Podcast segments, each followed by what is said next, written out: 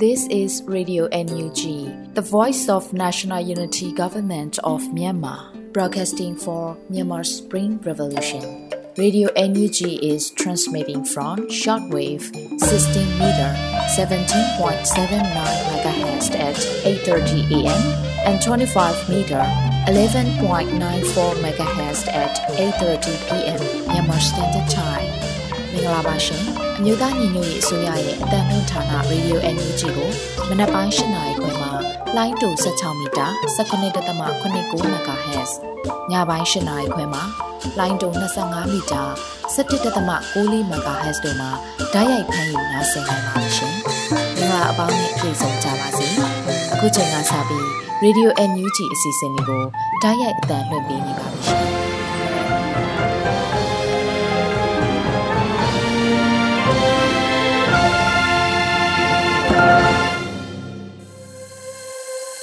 မြန်မာနိုင်ငံသူနိုင်ငံသားအပေါင်းတဘာဝပြီးဆီယနာရှင်ဘီတို့ကနေကင်းဝေးပြီးကိုစိတ်နှပါအေဂျင့်လုံခြုံကြပါစေလို့ Radio Energy ကဥစွာပထမနှုတ်ခွန်းဆက်တာအပ်ပါတယ်ရှင်။ခုချိန်ကစပြီးပြည်တွင်းသတင်းများကိုຫນွေဦးမောင်ကဖတ်ကြားတင်ပြပေးမှာဖြစ်ပါတယ်။မင်္ဂလာပါခင်ဗျာ။ယခုချိန်ကစပြီး2023ခုနှစ်နိုဝင်ဘာလ9ရက်နေ့ညပိုင်းပြည်တွင်းသတင်းများကိုတင်ဆက်ပေးပါရမယ်။ကျွန်တော်ကတော့ຫນွေဦးမောင်ပါ။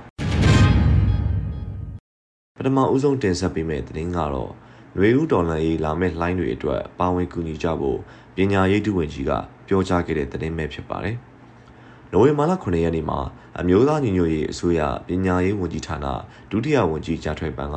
ဆိုရှယ်မီဒီယာကနေတဆင့်ယခုလိုပြောပါတယ်။မဖြစ်နိုင်ဘူးမစွမ်းနိုင်တော့ဘူးမနိုင်နိုင်ဘူးလို့ထင်နေတော့မယ်လား။ဆက်လက်ပြီးအောင်ပွဲတွေအတူရယူဖို့အချိန်ရှိသေးတယ်။ အမြန်နိုးထားပြီးလာမယ့်လှိုင်းတွေအတွက်ပါဝင်ကူညီကြပါလို့သူမကဆိုပါတယ်။အမတ်1စစ်ဒေတာကောလင်းခရိုင်ကုတ်ကဲရေးဤကုတ်ကဲမှုဖြင့်ပြည်သူ့ကာကွယ်ရေးတပ်မတော် PDF ပြည်သူ့ကာကွယ်ရေးအဖွဲ့ပခဖနဲ့မဟာမိတ်ပူးပေါင်းတပ်ဖွဲ့များက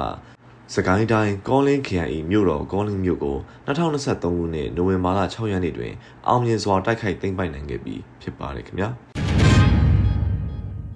ဆက်လက်ပြီးတော့ ဘင်္ဂလားဒေ့ရှ်နိုင်ငံကဒုက္ခသည်စခန်းတွေစီအကြမ်းဖက်စစ်ကောင်စီကိုယ်စားလှယ်အဖွဲ့တွားရောက်ပြီးနေရပြန်လာအောင်ဆွဲဆောင်မှုများလှုပ်ဆောင်နေတဲ့တဲ့တင်ကိုတင်ဆက်ပေးပါမယ်။ဘင်္ဂလားဒေ့ရှ်နိုင်ငံကဒုက္ခသည်စခန်းတွေစီအကြမ်းဖက်စစ်ကောင်စီကိုယ်စားလှယ်အဖွဲ့တွားရောက်ကစစ်ကောင်စီအစီအစဉ်နဲ့နေရပြန်လာအောင်ဆွဲဆောင်မှုများလှုပ်ဆောင်နေရလို့လူ့အခွင့်အရေးဆိုင်ရာဝန်ကြီးဌာနဒုတိယဝန်ကြီးဦးအောင်ကျော်မိုးကနိုဝင်ဘာလ9ရက်နေ့မှာအသိပေးပြောကြားလိုက်ပါတယ်။အကြမ်းဖက်စစ်တပ်ကနေရိုဟင်ဂျာတွေကိုတပ်ဖြတ် ဖမ်းဆီးချင်းချောက်ပြီးအတင်းအဓမ္မဖိအားပေးမောင်းထုတ်ခဲ့လို့မွေးရဇာတိမြေကိုစွန့်ခွာထွက်ပြေးပြီးတစ်ဖက်နိုင်ငံမှာဒုက္ခသည်အဖြစ်နဲ့နေထိုင်နေကြရတဲ့ဒုက္ခသည်ရိုဟင်ဂျာတွေကိုမူလနေထိုင်ရာနေရာဒေသမှာပြန်လည်နေရာချထားပေးဖို့ကလုပ်ကိုလုပ်ရမယ့်ကိစ္စပါဒါပေမဲ့အကြမ်းဖက်စစ်တပ်ကတစ်ဖက်ဘင်္ဂလားဒေ့ရှ်နိုင်ငံမှာခိုလုံနေတဲ့ရိုဟင်ဂျာဒုက္ခသည်တွေနေရပြန်ရေးကိစ္စကိုခုတုံလုပ်ပြီးနိုင်ငံရေးအရာအကျိုးမြတ်ရှာနေတယ်ဆိုတာအားလုံးလည်းသိမြင်နေတာဖြစ်ပါတယ်။ ဒုက္ခသည်ရိုဟင်ဂျာတွေရှိတဲ့ဘင်္ဂလားဒေ့ရှ်နိုင်ငံကဒုက္ခသည်စခန်းတွေစီအကြမ်းဖက်စစ်ကောင်စီကိုယ်စားလှယ်အဖွဲ့အနေနဲ့လက်တလောခက်ဆစ်စိတ်လာနေတယ်။မလုံးတချို့ပေးပြီးစစ်ကောင်စီအစီအစဉ်နဲ့နေရပြန်လာအောင်ဆွဲဆောင်နေရလို့ဒုဝန်ကြီးကဆိုပါတယ်။2018ခုနှစ်တွင်အကြမ်းဖက်စစ်တပ်ကနေမြေရှင်းလင်းပစ်ခတ်ခဲ့၍ရခိုင်ပြည်နယ်မောင်တော်ဒေသမှာရိုဟင်ဂျာ9သိန်းကျော်ဟာဘင်္ဂလားဒေ့ရှ်နိုင်ငံသို့ထွက်ပြေးသိမ်းရှောင်သွားခဲ့ရပါတယ်။ဘင်္ဂလားဒေ့ရှ်ရိုဟင်ဂျာဒုက္ခသည်စခန်းမှာ ဗမာမြန်မာစကားတက်ကျွမ်းသူတွေတိတ်နဲ့ချီရှိနေတယ်။ထောင်နဲ့တောင်းနဲ့ချီရှိနေတဲ့ရိုဟင်ဂျာចောင်းသားလူငယ်တွေရှိတယ်။ចောင်းဆရာဆရာမတွေရှိနေတယ်။ပညာတတ်ရိုဟင်ဂျာလူငယ်တွေရှေ့ထွက်ဦးဆောင်ပါ။မိခင်ဘာသာစကားပြောတာကောင်းပေမဲ့အကြမ်းဖက်စစ်တပ်နဲ့ပြောဆိုမှုတွေကိုမြန်မာပြည်တဝန်းကပြည်သူတွေအနေနဲ့လည်းဓာတ်ရိုက်နားလည်နိုင်ဖို့ရာဗမာမြန်မာစကားနဲ့ပြောဆိုဖို့လိုတယ်။ ရေရှည်တည်တဲ့ခံမြဲမှုမရှိတဲ့အကြမ်းဖက်စစ်တပ်ရဲ့မလုံးတွေအကြောင်းကိုဒုက္ခသည်ရိုဟင်ဂျာပြည်သူတွေသိနားလည်အောင်ရှင်းပြပြောဆိုဖို့ကျွန်တော်တို့အားလုံးမှာတာဝန်ရှိရလို့တူဝင်ကြီးကထပ်လောင်းဆိုထားပါတယ်ခင်ဗျာ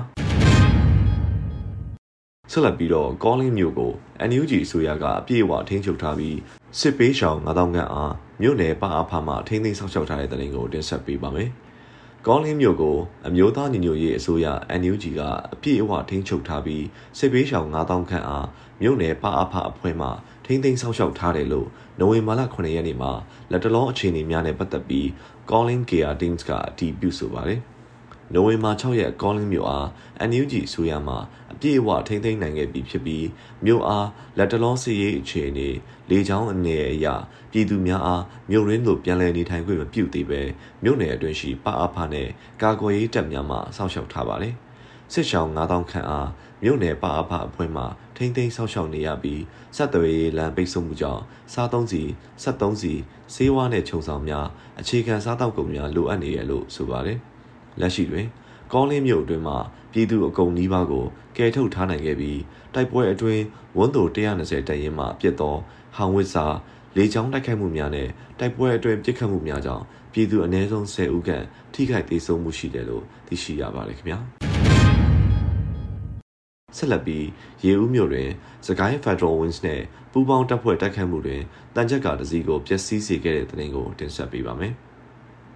စစ်ဒေသတည့်ရဲ့တောင်းဆိုမှုနဲ့အတူစကိုင်း Federal Wings အဖွဲ့ဟာစကိုင်းခင်အတွင်းမှာထွက်ခွာလာပြီးရေဦးနယ်ကမ်ဘလူနယ်များတွင်တိုက်ပွဲများစတင်ဖော်ဆောင်နေပြီလို့သတင်းရင်းမြစ်တအူးထံမှသိရှိရပါတယ်။နိုဝင်ဘာလ6ရက်နေ့တွင်ကောလင်းမြို့ကိုစစ်ကောင်စီထံမှပြန်လည်သိမ်းယူနိုင်ခဲ့ပြီဖြစ်ကြောင်းအမျိုးသားညီညွတ်ရေးအစိုးရကာကွယ်ရေးဝန်ကြီးဌာနမှကြေညာခဲ့ပြီးနောက်ကောလင်းကိုအကာအကွယ်ပေးနိုင်ရေးအတွက်ယခုလိုလက်ဦးမှုရယူတိုက်ခိုက်နိုင်ရန်ပြင်ဆင်နေတယ်လို့ဆိုပါတယ်။ ရွှေဘိုခရိုင်ရေဦးမြို့အတွင်းတိုင်းရင်းစေုံ၌လက်နက်ကြီးများနဲ့ခရမ်းမျိုးစုံတန်ချက်ကာကားများတိုးလောင်သိမ်းဆက်ရာအထိုင်ချတက်ဆွဲထားသောစစ်ကောင်စီအုပ်စုအားမနေ့ကနိုဝင်ဘာလ6ရက်နေ့မွန်နွယ်12:44မိနစ်အချိန်မှစတင်၍ရုံးကြီး၄စင်း fix wing drone 2စင်းဖြင့်ဘုံသီး12လုံးကျဲချတိုက်ခိုက်နိုင်ခဲ့ပါတယ်။အဆိုပါတိုက်ခိုက်မှုသည်လက်နက်များတိုးလောင်ရာနေရာစစ်ခွေးအကောင်ကြီးများရှိနေရာအဆောက်အုံတန်ချက်ကာကားများထားရာနေရာ 120mm လက်နက်ကြီးများရှိရာနေရာနဲ့အရေးပါသောအဆောက်အဦများအပေါ်တိုက်ခိုက်ခဲ့ခြင်းဖြစ်တယ်လို့ဆိုပါတယ်။ထိုတိုက်ခိုက်မှုကိုစကိုင်း Federal Wings စကိုင်းခရိုင်အမှတ်9တရင် MRA GDR MMU ရွှေဘိုခရိုင်အမှတ်14တရင်နဲ့ရေဦး PDF တို့မှပူးပေါင်းဆင်နွှဲတိုက်ခိုက်ခဲ့ခြင်းဖြစ်ပြီးတိုက်ပွဲအတွင်းအသုံးပြုခဲ့သော drone ပုံသီးများအားလုံးကို SDB2 မှထုတ်လုပ်ပေးခဲ့ခြင်းဖြစ်ကြောင်းအသိပေးထားပါတယ်။ထို့သောလက်ဦးမှုယူပြီး နေရာကောင်းများကိုအတိအကျတိုက်ခိုက်နိုင်မှုကြောင့်စစ်ကောင်စီတပ်မှစစ်ခွေး9ဦးသေဆုံးပြီး14ဦးဒဏ်ရာရကာ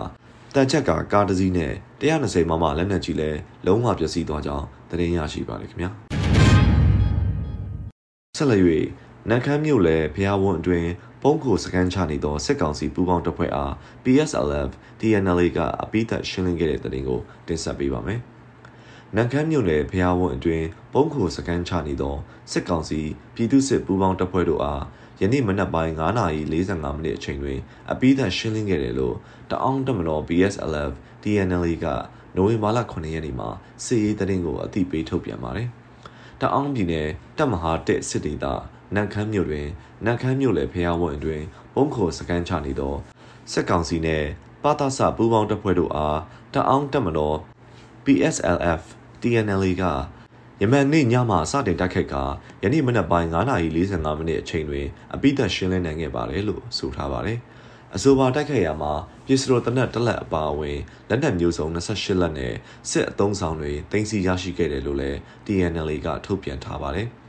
စစ်စင်ရေး1027တွင်ပါဝင်နေသော TNLA ဟာပြီးခဲ့တဲ့ရက်ပိုင်းကလည်းစစ်ကောင်စီလက်အောက်ခံတွေဖြစ်တဲ့နန်ခမ်းမြို့မှရဲစခန်းမန်တုံမြို့မှရဲစခန်းနဲ့နန်ခမ်းမြို့နယ်တရားရုံးတို့ကိုလည်းတိုက်ခိုက်သိမ်းပိုက်ထားခဲ့ပြီးဖြစ်ပါတယ်ခင်ဗျာဆက်လက်ပြီးမုံဂိုဒေတာကပြည်သူများကိုကိုကန် MNDAA ကစမ်းတဲ့စီများထောက်ပံ့ခဲ့တဲ့သတင်းကိုတင်ဆက်ပေးပါမယ်ကိုကန်အထူးဒေတာ1 မုံဂိုဒေတာကပြည်သူတွေကိုစမ်းတဲ့စီများထောက်ပံ့ပေးထားတယ်လို့ကိုကန် MNDAA ထံကနေတဆင့်သိရှိရပါတယ် MNDAA အနေနဲ့1027စစ်စင်ရေးစတင်ချိန်ကနေလက်ရှိအချိန်ထိစစ်ကောင်စီတပ်စခန်း100ကျော်သိမ်းယူနိုင်ခဲ့ရာတွင်အထူးဒေသ1မုံကုတ်ခရိုင်မုံကုတ်ဒေသဖောင်ဆိုင်ကျေးရွာအုပ်စုမှာရှိတဲ့ဖောင်ဆိုင်ရှိကြည်ကြတောင်တန်းနဲ့မန်ရန်ပေါက်ပေါက်စတဲ့ဒေသတွေပါဝင်ခဲ့တယ်လို့ဆိုပါတယ် လက်ရှိမှာအဲ့ဒီဒေသတွေကပြည်သူတွေနေရပြန်လာပြီးနေထိုင်နေကြပြီဖြစ်တဲ့အတွက်ဒေသခံတွေရဲ့လိုအပ်ချက်ကိုဖြည့်ဆည်းပေးခဲ့တာလို့လည်းသိရှိရပါတယ်။ဒေသခံတွေအနေနဲ့စားနပ်ရိက္ခာမဝယ်နိုင်သေးတဲ့အတွက်၎င်းတို့ရဲ့စားတောက်နေထိုင်ရေးအဆင်ပြေစေဖို့တအိမ်တောင်လင်းစံတအိတ်နဲ့စီ9ပေါင်စီထုတ်ဝေပေးထားသေးတယ်လို့ MNDAA ကထုတ်ပြန်ထားပါတယ်။ပ ဖောင်းဆိုင်ကြီးရွာအုပ်စုကိုကိုကန် MNDAA ကပြန်လည်သိမ်းယူထားပြီးဖြစ်တဲ့အတွက်အဝေးရောက်နေသူတွေပြန်လာနိုင်ပြီဖြစ်ကြောင်းနဲ့စားတောက်နေထိုင်ရေးအတွက်အခက်အခဲရှိပါကဒေသအုပ်ချုပ်ရေးအဖွဲ့ထံမှအကူအညီတောင်းခံနိုင်တယ်လို့လည်းမုံကိုဒေသကအထွေထွေအတွင်းရေးမှူးကပြောပါတယ်ဒေသအုပ်ချုပ်ရေးအဖွဲ့အနေနဲ့ဒေသခံပြည်သူတွေရဲ့လိုအပ်ချက်တွေကိုအတက်နိုင်ဆုံးဖြည့်ဆည်းပေးသွားမယ်လို့ဆိုထားပါတယ်။ မိမိတို့ဒေသကိုပြန်လည်လာရောက်နေထိုင်တဲ့သူတွေအနေနဲ့စစ်ကောင်စီရဲ့လေကြောင်းအနေအကိုကာကွယ်နိုင်ဖို့အိမ်တိုင်းအိမ်တိုင်းမှာဘုံခိုခြင်းတွေတူထားဖို့လည်း MNDAA ကတိုက်တွန်းထားပါတယ်ခင်ဗျာဆက်လက်ပြီးငွေကြေးတက်နိုင်တဲ့လူပုဂ္ဂိုလ်များအနေနဲ့ EOD အစီအစဉ်တွေကိုများများအားပေးဝယ်ယူကြဖို့ဒေါက်တာဒေစာဆန်းကတိုက်တွန်းပြောကြားခဲ့တဲ့သတင်းကိုတင်ဆက်ပေးပါမယ်။ ငွေကြေးတက်နိုင်တဲ့လူပုဂ္ဂိုလ်များအနေနဲ့ NUG အစိုးရရဲ့ EOD အစီအစဉ်တွေကိုများများအားပေးဝယ်ယူကြဖို့မန္တလေးလူလူတပိတ်ကောင်းဆောင်ဒေါက်တာတေဇာဆန်းကနိုဝင်ဘာလ6ရက်နေ့မှာတိုက်တွန်းပြောဆိုလိုက်ပါတယ်။ယခုချိန်မှာငွေကြေးတက်နိုင်တဲ့လူပုဂ္ဂိုလ်များအနေနဲ့ NUG အစိုးရရဲ့ဒီ EOD အစီအစဉ်တွေကိုများများအားပေးဝယ်ယူကြစီခြင်းနဲ့ဗျာ။တေချာပေါက်မျက်မယ်ဆိုတာသိနေကြတာပဲ။နောက်ပြီးယခုချိန်မှာနိုင်မြင့်ကဘာလဲဆိုတာအားလုံးသိလောက်ပါပြီ။ နိုင်မြင့်ကိုပုံအောပြီးသားလောင်းလိုက်ကြပါစို့လားလို့ဆိုပါတယ်။လက်ရှိမှာပြည်ဦးငွေရှိ Federal ဆိုင်ရည်မြေကွက်များကို End of Dictatorship ကိုယ်စားလှယ်များကရောင်းချပေးလျက်ရှိပြီးအဆိုပါရောင်းချရတဲ့ငွေကြေးများကိုဒေါ်လာရေးအတွက်ပြန်လည်စီစဉ်သွားစီမှာလည်းဖြစ်ပါတယ်ခင်ဗျာ။ဆက်လက်၍ချင်းတွင်းမြစ်အတွင်းအကြမ်းဖက်စစ်ကောင်စီတမောနှစင်တင်ဆက်ရရှိခဲ့မိတဲ့တဲ့တင်ကိုတင်ဆက်ပေးပါမယ်။ စကိုင်းတိုင်းကဏီမြို့နယ်ချင်းတွင်းမြစ်ကြောင်းတွင်အကြမ်းဖက်စစ်ကောင်စီတမောနှစင်းကိုတင်ဆက်ရရှိခဲ့ပြီးတိုက်ပွဲများအတွင်းစစ်သား20ကျော်သေဆုံးခဲ့တယ်လို့ကြောက်လုံးကြီး KLG တပ်မဟာထံကနေသိရှိရပါတယ်။နိုဝင်ဘာလ6ရက်နေ့ည10:00နာရီခန့်အချိန်ကချင်းတွင်းမြစ်အတွင်းမှာတောင်တင်နေတဲ့အကြမ်းဖက်စစ်ကောင်စီရဲ့ထောက်ပို့ရင်းရင်ခုနှစ်စင်းကိုပြည်သူ့ကာကွယ်ရေးအဖွဲ့တွေပူးပေါင်းတိုက်ခတ်ခဲ့တာလို့ဆိုပါတယ်။တိုက်ပွဲကြာချိန်တနာရီအတွင်းစိတ် မြင်းနဲ့နွားအကောင်20ခန့်တင်ထားတဲ့တင်မောနှစ်စင်းကိုသိမ်းပိုက်နိုင်ခဲ့တာဖြစ်ပြီးအပြန်အလှန်ပစ်ခတ်မှုတွေကြောင့်မြင်းသုံးကောင်သာအရှင်ရရှိခဲ့ကကျန်တဲ့မြင်းတွေစိတ်တွေနဲ့နွားတွေတိတ်ဆုံးခဲ့တယ်လို့လည်းသိရှိရပါတယ်။အခြားရေရင်၅စီးမှာတိုက်ပွဲဖြစ်ရာနေရာနဲ့ဂိုက်300ခန့်သာကွာဝေးသောကြောင့်စိတ်မြင်းနဲ့နွားတွေတင်ဆောင်ထားတဲ့တင်မောပေါ်မှာစစ်သားများတင်မော၅စင်းပေါ်ထွက်ပြေးသွားတယ်လို့ကြောက်လုံးကြီး KLG တပ်မဟာကအသိပေးထားပါတယ်။ ချင်းတွင်းမြစ်အတွင်းမှာတောင်တင်နေတဲ့တမုံဝမ်းပိုက်များအတွင်းမှာပုံအောင်နေတဲ့စစ်သားတွေအပြင်ကိုထွက်ပြီးလေငင်းခံချိန်နိုဝင်ဘာ9ရက်နဲ့6ရက်နေ့တွေမှာလည်းစနိုက်ပါနဲ့ပစ်တက်ခဲ့တာကြောင့်စစ်သား20ခန့်သေဆုံးခဲ့တယ်လို့လည်းသိရှိရပါတယ်။အဆိုပါတိုက်ခိုက်မှုတွေကိုရင်းမှတ်ပင်ခရိုင်တရင်21တရင်22တရင်23 KLG PDF ရင်းမှတ်ပင်ခရိုင်တပ်မဟာ BLDF နဲ့ဒေသခံပခဖများပူးပေါင်းတိုက်ခိုက်ခဲ့တာဖြစ်ပြီးပြည်သူ့ကာကွယ်ရေးရဲဘော်များ အထိအခိုက်မရှိခဲ့ဘူးလို့သိရှိရပါတယ်ခင်ဗျာဆက်လက်၍ရွှေဘုံမျိုးက73စီဆိုင်နှစ်ဆိုင်ကိုဓမြတိုက်ခဲ့သောပြူစောထီးများကို PDF များကဖမ်းဆီးခဲ့တဲ့တဲ့တင်ကိုတင်ဆက်ပေးပါမယ်။စကိုင်းတိုင်းရွှေဘုံမြို့ပေါ်မှာရှိတဲ့73စီဆိုင်နှစ်ဆိုင်ကိုဓမြတိုက်သွားတဲ့ပြူစောထီးနှစ်ဦးကိုပြည်သူ့ကာကွယ်ရေး PDF ပူးပေါင်းအဖွဲ့တွေကဖမ်းဆီးနိုင်ခဲ့တယ်လို့တင်ရရှိပါတယ်။၎ င်းတို့နှစ်ဦးအားနိုဝင်ဘာလ၁ရက်နေ့မနက်7:00နာရီဝန်းကျင်အချိန်မှာရွှေဘိုစိတ်ခွန်ကားလန်ဘေးမှာရှိတဲ့73စီဆိုင်နှစ်ဆိုင်ကိုဓမြတိုက်ပြီးချက်သိန်း100ကျော်လူယူသွားတာလို့သိရပါတယ်။ပြူစောတီနှစ်ဦးဓမြတိုက်သွားတယ်လို့သိရှိရတဲ့အတွက်ပြည်သူ့ကာကွယ်ရေးအဖွဲ့တွေပူးပေါင်းစုံစမ်းပြီးနိုဝင်ဘာလ2ရက်နေ့မနက်10:00နာရီခွဲခန့်တွင်ရွှေဘိုမြို့ပေါ်မှာဖမ်းဆီးနိုင်ခဲ့တယ်လို့ Warlord Defense Force ကအသိပေးထားပါတယ်။ဖ မ်းဆီးချိန်မှာပြူစောထီတွေကလက်ပစ်ပုံးတွေနဲ့ပြန်လည်ခုခံတဲ့အတွက်ပြည်သူ့ကာကွယ်ရေးအဖွဲ့တွေအနေနဲ့လုံထွေးဖမ်းဆီးခဲ့ရတယ်လို့လည်းသိရှိရပါတယ်။ဖမ်းဆီးရမိတဲ့ပြူစောထီတွေဟာဇီကုန်းလေးရွာကဖြစ်ပြီးအသက်50အရွယ်တဦးနဲ့34နှစ်အရွယ်တဦးဖြစ်ပြီး၎င်းတို့ထံကနေလက်ပစ်ပုံးနှလုံးနဲ့ငွေအချို့ကိုလည်းတင်စီရရှိခဲ့တယ်လို့ဆိုပါတယ်။လက်ရှိမှာဖမ်းဆီးရမိတဲ့ပြူစောတီနှစ်ဦးကိုပြည်သူ့အုပ်ချုပ်ရေးအဖွဲ့နဲ့လုံခြုံရေးအဖွဲ့ထံအနှံထားပြီးဖြစ်တယ်လို့လည်းသိရှိရပါတယ်။ အဆိုပါဖမ်းဆီးမှုကို Warlord Defense Force, Guardian Force, SPDF, B4, C1 ရှေဘိုမျိုးပြပျောက်ကြား UG အဖွဲ့ဘုံမိချောင်းအဖွဲ့နဲ့မဟာမိတ်ဖြစ်တဲ့ဘလူးနီနောင်နေမြေခံပခဖတို့ပူးပေါင်းဖမ်းဆီးခဲ့တာလို့သိရှိရပါတယ်။စစ်ကောင်စီအဖွဲ့တွေနဲ့ပြူစောတိတွေအနေနဲ့မိဘပြည်သူတွေအပေါ်အနိုင်ကျင့်ပိုကြနေတာတွေရပ်တန်းကရပ်ဖို့ပြည်သူ့ကာကွယ်ရေးအဖွဲ့တွေကအသိပေးထားပါတယ်ခင်ဗျာ။ ဆက်လက်ပြီးမတူပီဟာခါလန်တွင်အင်အား60ခန်းမြင့်စစ်ကြောင်းထူလာသောစစ်ကောင်စီတပ်များပြစ်ခတ်တိုက်ခိုက်ခံရတဲ့တဲ့တင်ကိုတင်ဆက်ပေးပါမယ်။အင်အား60ခန်းမြင့်စစ်ကြောင်းထူလာတဲ့စစ်ကောင်စီတပ်များကိုနိုဝင်ဘာလ6ရက်နေ့ညနေပိုင်းကတိုက်ခိုက်ခဲ့တယ်လို့ချင်းလန်ကာကွယ်ရေးတပ်ဖွဲ့မတူပီကအတည်ပြုဆိုပါတယ်။ နိုဝင်ဘာလ6ရက်နေ့ညနေ9နာရီခန့်တွင်မတူပီဟာခါလန်စစ်ကောင်စီအင်အား60ခန့်ဖြင့်စစ်ကြောင်းထိုးလာစဉ်ချင်းလန်ကာကွယ်ရေးတပ်ဖွဲ့မတူပီနဲ့ပြစ်ခတ်တိုက်ခိုက်ခဲ့ရာစစ်ကောင်စီဘက်မှ2ဦးသေဆုံး2ဦးဒဏ်ရာရရှိခဲ့ပါတယ်လို့ဆိုပါတယ်အဲ့ဒီနောက်စစ်ကောင်စီများဘက်ကလက်နက်ကြီးများတောက်လျှောက်ပြန်လည်ပစ်ခတ်ခဲ့တော့လဲချီလန်ကာကွယ်ရေးတပ်ဖွဲ့မတူပီတပ်ဖွဲ့ဝင်များကောင်းမွန်စွာပြန်လည်ဆုတ်ခွာနိုင်ခဲ့တယ်လို့သတင်းရရှိပါတယ်ခင်ဗျာ ဆက်လက်၍ SDB token တစ်ခုကို0.001 US ဒေါ်လာနဲ့ရောင်းချပေးသွားမယ့်တဲ့တင်ကိုတင်ဆက်ပေးပါမယ်။ရေဥပန် share token SDB token တစ်ခုကို0.001 US ဒေါ်လာနဲ့ရောင်းချပေးမယ်လို့နိုဝင်ဘာလ9ရက်နေ့မှာရေဥဖွံ့ဖြိုးရေးဘဏ်ကတရားဝင်အသိပေးထုတ်ပြန်ပါတယ်။ရေဥပန်ရဲ့ ICO seed round လို့ခေါ်တဲ့အကျိုး share ဝယ်ယူခွင့်ကာလမှာရေဥပန် share များကိုရောင်းချမဲ့အစီအစဉ်စောင့်မျှော်နေကြတဲ့အတိုင်းရောက်ရှိလိုလာပါပြီ။ ຫນွေဦးဘဏ် share token SDB token တစ်ခုကို0.001 US ဒေါ်လာနဲ့ရောင်းချပေးသွားမှာဖြစ်ပါတယ်။အနည်းဆုံးပမာဏအဖြစ် American Dollar 10ဒေါ်လာမှစတင်ရင်းနှီးမြှုပ်နှံနိုင်ပါတယ်လို့ဆိုပါတယ်။ SDB token များကိုနိုဝင်ဘာလ18ရက်နေ့မှ28ရက်များတွင်ဝယ်ယူစင်းပေးနိုင်မှာဖြစ်ပြီးတော့အကြိုကာလမှာ SDB token များကိုရင်းနှီးမြှုပ်နှံထားကြမယ်ဆိုရင်သတ်မှတ်ထားတဲ့နောက်ထပ်လာမယ့်6လကာလအတွင်း နာမည်ကျော် crypto exchange ဈေးကွက်တစ်ခုမှာ STB ရဲ့ ICO round A ကိုဆောင်ရွက်သွားမယ့်အချိန် share token တမိုးမြင့်မားလာပြီးအကျိုးအမြတ်ရရှိနိုင်မယ့်အခွင့်အရေးကိုတေချာပေါက်ပိုင်ဆိုင်နိုင်လို့သိရှိရပါတယ်ခင်ဗျာနောက်ဆုံးတင်ဆက်ပေးမယ့်သတင်းကတော့ထိုင်းနဲ့မြန်မာနယ်စပ်တောင်ရင်မြစ်ကိုကူးဖြတ်လာခဲ့ရတဲ့အမှုပညာရှင်များရဲ့ဖျော်ဖြေပွဲကိုအွန်လိုင်းမှာကျင်းပသွားမယ့်အကြောင်းပဲဖြစ်ပါတယ်။ ထိုင်းနဲ့မြန်မာနယ်စပ်တောင်ရင်မြစ်ကိုကူးဖြတ်လာခဲ့ရတဲ့အမှုပညာရှင်များရဲ့ဖျော်ဖြေပွဲကိုနိုဝင်ဘာလ18ရက်နေ့မှာအွန်လိုင်းကနေတစ်ဆင့်ကျင်းပသွားမယ်လို့ချက်သမနာနိုင်ငံ NUG ကိုယ်စားလှယ်ဦးလင်းတန်းက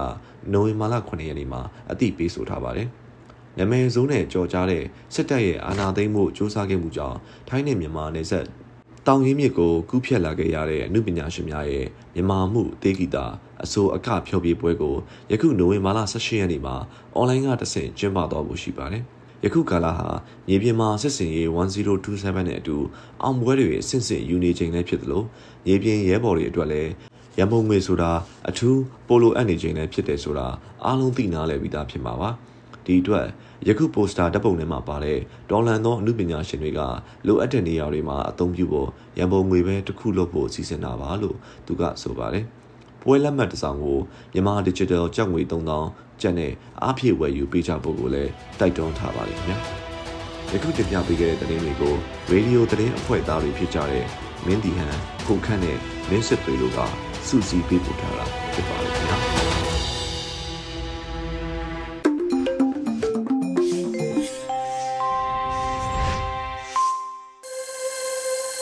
ဆက်လက်ပြီးတော်လင်းကဗျာကဏ္ဍကိုနားဆင်ကြရပါမယ်။ဒေါက်တာလီယိုနယ်လင်ထက်ရေးသားထားတဲ့အညာပြန်ဆိုတဲ့ကဗျာလေးကိုလွတ်လပ်နှွေဦးကခန်းစားရွတ်ဖတ်ပေးထားပါရဲ့ရှင်။အညာပြန် excavator ရဲ့လက်ချောင်းတွေနဲ့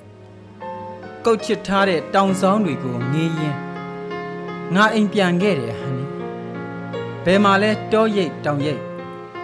ပူလုံးပါတယ်ဟန်နီတစ်ကောင်းဝါးကောင်းဆိုတာ ငါတို့ဗမာပြည်ကလူတော်လူကောင်းလေးတွေလိုပါပဲစောစောခုတ်လှဲခံရတယ်တစ်ကောင်းဝါးကောင်းအရေးအတွက်ဟာတစ်ခိုးသူအရေးအတွက်နဲ့ပြောင်းပြန်အချိုးကြတယ်လူတော်လူကောင်းအရေးအတွက်ဟာလဲအာနာယူအရေးအတွက်နဲ့ပြောင်းပြန်အချိုးကြတယ်တော်တိုင်းတောင်တိုင်းမှာခြုံပုတ်ပင်တွေသာစိုးမိုးလို့ပေါ့ငါအိမ်အပြန်လမ်းမှာ စမ်းကြောင်းကလေးတစ်ခု အသက်ငင်းနေရှာလို့မျက်နာလွှဲခဲ့ရသေးတယ်။ကန္တာရကိုစိုက်ပြိုးသူတွေကြားစမ်းရည်တွေခန်းလေပေါ့ဟန်နီ။ငါအိမ်ကိုပြန်လာခဲ့ပြီဟန်နီ။ငါမြင်နေကြနှစ်တရာကျော်အပင်အိုးနှစ်တထောင်ထိရှည်စီလို့ဆိုတဲ့ဆိုင်းပုတ်လေးလမ်းဘေးမှာပြုတ်ကြလို့ချိတ်ဆွဲကံကောက်ကိုပင်ကြီးတွေကတော့အပိုင်းပိုင်းအတစ်တစ် အရေးပေးဖို့ပဲရိုးသားစွာ ရှင်တန်ခဲ့တဲ့တစ်တပင်ဟာဘာအပြစ်ရှိလို့ခုတ်လဲခံခဲ့ရပါသလဲမိကွန်းတွေမေးခဲ့ပေမဲ့အဖြေမရခဲ့ပါဘူးဟန်နီလမ်းတွေဟာမဖြောက်ဘူးဘယ်ရီဂိတ်အထက်ထက်နဲ့စစ်ဖက်နှက်စီးသူတွေရက်လို့ပေါ့လူအခွင့်ရေးဆိုရမှာလူတစ်ယောက်ရဲ့လွတ်လပ်ခွင့်ဆိုတာအခြားသူတစ်ယောက်ကပေးမရတာမဟုတ်ဘူးတဲ့ မွေးရပါရရှိရမယ်တဲ့စစ်ခွေးရှိတဲ့ဗမာပြည်မှာတော့ဒါတွေနားမလဲကြဘူးဟန်နီတနတ်ပြောင်းဝတွေကငါတို့စီမျက်နှာမူနေတော့ခေါင်းငုပ်ပြီးထွက်လာခဲ့ရတယ်ခါတီလွန်ပါတယ်ဟန်နီငါအိမ်ရောက်လူနေပြီຫນွေနေပူပူကြီးမှာလှဲတွေလှဲတွေလူတွေလူတွေဆိုင်ကယ်တွေဆိုင်ကယ်တွေပွဲတော်သွားနေကြတာလား မင်းယူနေသလားမောင်ရင်စစ်ကြောင်းထိုးလို့ထွက်ပြေးလာကြသူတွေကပြောတယ်ဘာတွေဖြစ်နေတာလဲဟန်ထနောင်းပင်တွေကိုမြင်နေရပါပြီထမ်းပင်တွေကိုမြင်နေရပါပြီဖုံလုံးကြီးတွေကိုမြင်နေရပါပြီငါအိမ်ပြန်ရောက်ခဲ့ပြီဟန်ငါအိမ်လေးဟာပြာမှုံတွေအဖြစ်လေမာမျောလွင့်လို့ပေါ့ဒေါက်တာလီယိုနယ်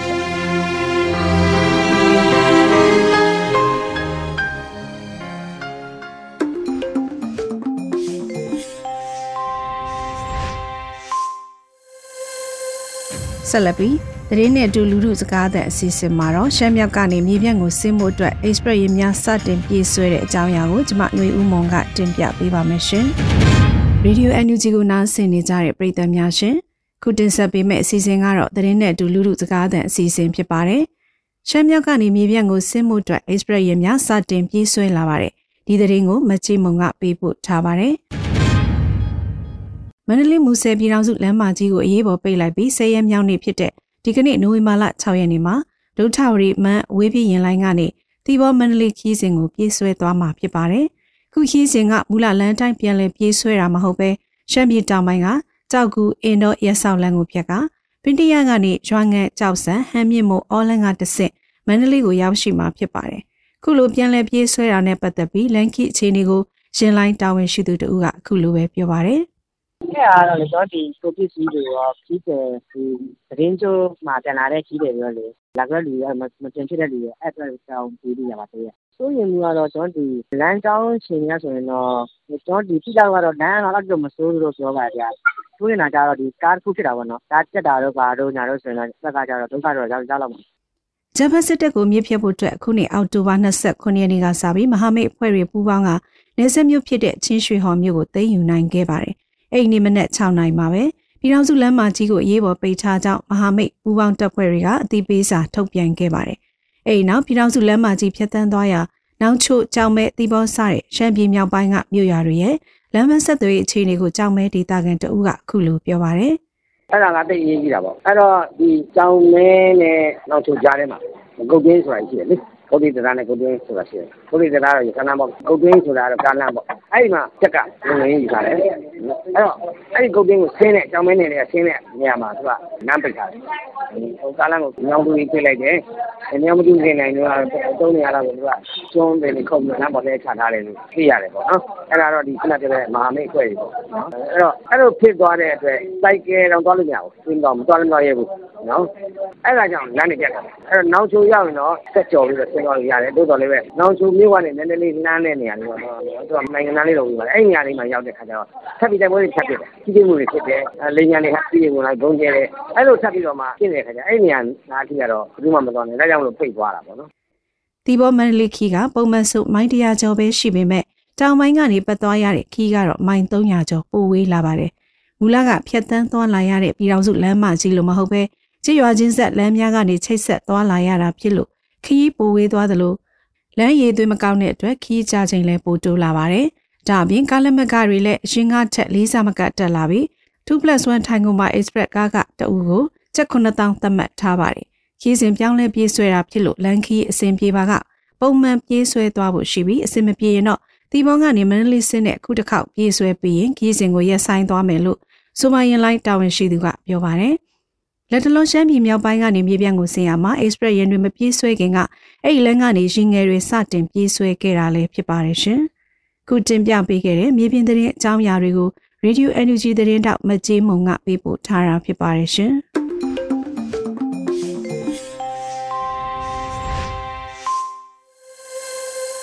ခုဆက်လက်ပြီးတိုင်းသားဘာသာစကားထုတ်လွှင့်မှုစီစဉ်မှာတော့နောက်ပုခင်ဘာသာနဲ့ပတ်စင်သတင်းများကိုနိုင်ရင်တွင်မိကတင်ပြပေးမှာဖြစ်ပါတယ်ရှင်။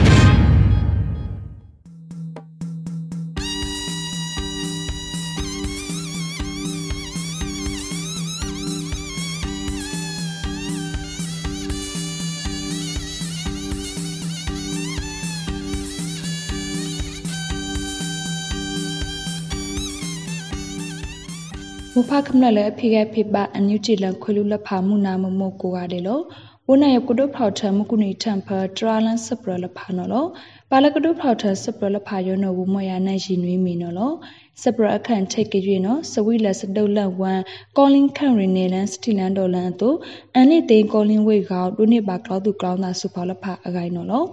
အန်ယူဂျီပဒူစပဒငိုင်ခနုစမာလန် PTF တုတ်ရိုခုဒိုပပတယာတုတ်ဂိုက်စပရတိုနိထောင်နိစီတန်းနေလာနိုဝင်ဘာခုတန်ဖစဝိလက်စတုတ်လက်ဝမ်ကောလင်းခရီနေလန်စတီလန်ဒိုလန်တို PTF des ဖိတ်တုတုတ်ဖူကလဖာနောအန်နိတေနိစကိုင်ခနောကောလင်းခရီကောလင်းဝိလက်စခံဖလာဖောနော်လော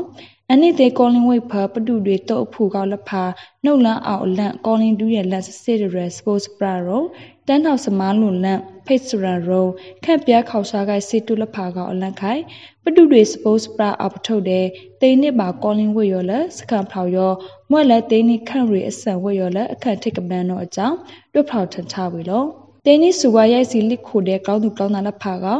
ပါဆိုင်လက်စတုပ်အကိုက်ဖလဖာနော့ကဆက်ပုတ်ပါတရားဝေတာလော စပရနီဝေကရီနော်တရုတ်တီခတ်နော်ဤမကမဆက်စတုကအခါကသိန်းခွေနေပြီးတော့နော်အကြောင်းအေးအေးတုတ်ခုတူထုတ်ထုံမြက်နိုင်စိတ်ထအခိုင်နော်လောဤမတရုတ်နော်ကမဆက်ပါအခါပသိန်းနေပြီးတော့နော်လောပသိန်းခွေကောင်းမှခန့်ပြန်တိခန့်ဘဆူစာဖုလဖာအပါထုတ်လဖာကပောက်ပလေကပကကရုစကနီနော်အကြောင်းအေးအေးတုတ်ခုတူထုတ်ထုံမြက်နိုင်နော်လာနိုဝင်ဘာဖာစိတ်ထဝလဲ CCN channel ဖနော်လောချောင်းလောက်ဘူးနိုင်ရောလဒိုနီဒီပါတရုတ်စမဆန်နော်အကြောင်းစိတ်စိတ်ထဝေနော် အေအေရောစောက်ကောက်တုတ်ဆက်လက်စဖိတ်တို့လန်လဖာတဲ့ပိုးနိုင်ရောစတုတ်လက်ကိုက်ဒီပါလာနန်ပတုတွေစတုတ်ကစတိုင်ဝိုင်းလက်ဖာရောခိုင်အထန်နိုင်နီအခေါအုံတော့ကပတိရပါလောစပရတရကရင်နော် ထိုးစုခတ်နော်ကော့ကရိတ်ဝိတောက်ခမရခွေးစီနွေတုံမှုနိုင်ကာကင်းလဖာစဝဲဖတ်ဒုလဖာအောင်လက်အနိုင်ဖဝကဘန်ယူလပါလက်အနန်လပပါအတုခွေလက်စဖောက်ဖဘလန်ခုဘလန်ကိုင်နော်လောလာနိုဝင်ဘာတတန်လိတန်ဖကြားဖြူတုတ်ထိုင်းရိုက် Justice Soldier PTF တဲ့ Cloud Angry Bird Drone က POA လဖာရှာထူဝနခေါစကောဘာကိုတီတုခမရခွေးစီနွေတုံမှုနိုင်ကာကင်းလဖာအောင်လန်ဖ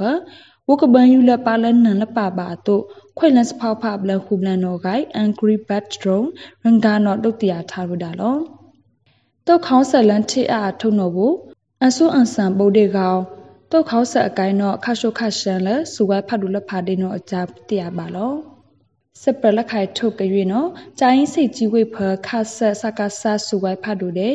လီဖောက်စဒုလဖာအကြောင်းတဝန်ဖို့တင်နီယာကောင်ရှာခွေရတူနိဘာစပါဒူပါထိတ်အကိုင်းနော်လောဒီကြောင့်နိစီတန်နေလာနိုဝင်ဘာနီတန်ဖဖလိုဆူဆတ်စပေါပလီဂိုက်တုတ်ခရတဲ့စပုံးထန်တုတ်ဖူလဖာနော်ပတိယပါတုတ်ဒူပလာယခိုင်ရီနုတကောင်ရော ကျိုင်းစိတ်ကြီးဝိဖ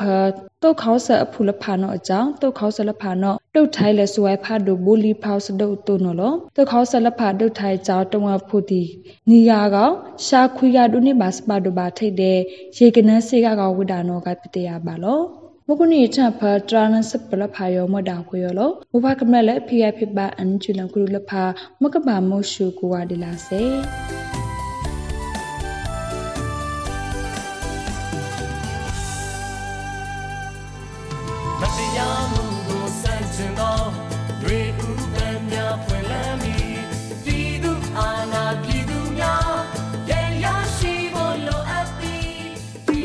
ဒီကနေ့ကတော့ဒီညနဲ့ပဲ Radio NUG ရဲ့အစီအစဉ်လေးကိုခਿੱတရနာလိုက်ပါမယ်ရှင်။မြမစံတော်ချိန်မနက်၈နာရီခွဲနဲ့ည၈နာရီခွဲအချိန်တွေမှာပြန်လည်ဆုံတွေ့ကြပါစို့။ Radio NUG ကိုမနက်ပိုင်း၈နာရီခွဲမှာလိုင်းတူ16မီတာ19.8 MHz ညပိုင်း၈နာရီခွဲမှာလိုင်းတူ25မီတာ17.6 MHz တို့မှာဓာတ်ရိုက်ဖမ်းလို့နိုင်စေနိုင်ပါပြီ။ မြန်မာနိုင်ငံသူနိုင်ငံသားတွေကိုစိတ်နှပြကျန်းမာချမ်းသာလို့ဘေးကင်းလုံခြုံကြပါစေလို့ Radio NUG အဖွဲ့သူဖေသားတွေကဆုတောင်းမြတ်တာပို့လာနေပါတယ်ရှင်။မြေသားမျိုးတွေအစိုးရရဲ့စက်တော်ရင်သတင်းအချက်အလက်တွေလုပ်ပညာဝန်ကြီးဌာနကထုတ်ပြန်နေတဲ့ Radio NUG ဖြစ်ပါတယ်။ San Francisco Bay Area အခြေစိုက်မြန်မာမိသားစုတွေနဲ့နိုင်ငံတကာကစေတနာရှင်တို့အားပေးနေတဲ့ Radio NUG ဖြစ်ပါတယ်။အရေးတော်ပုံအောင်ရမည်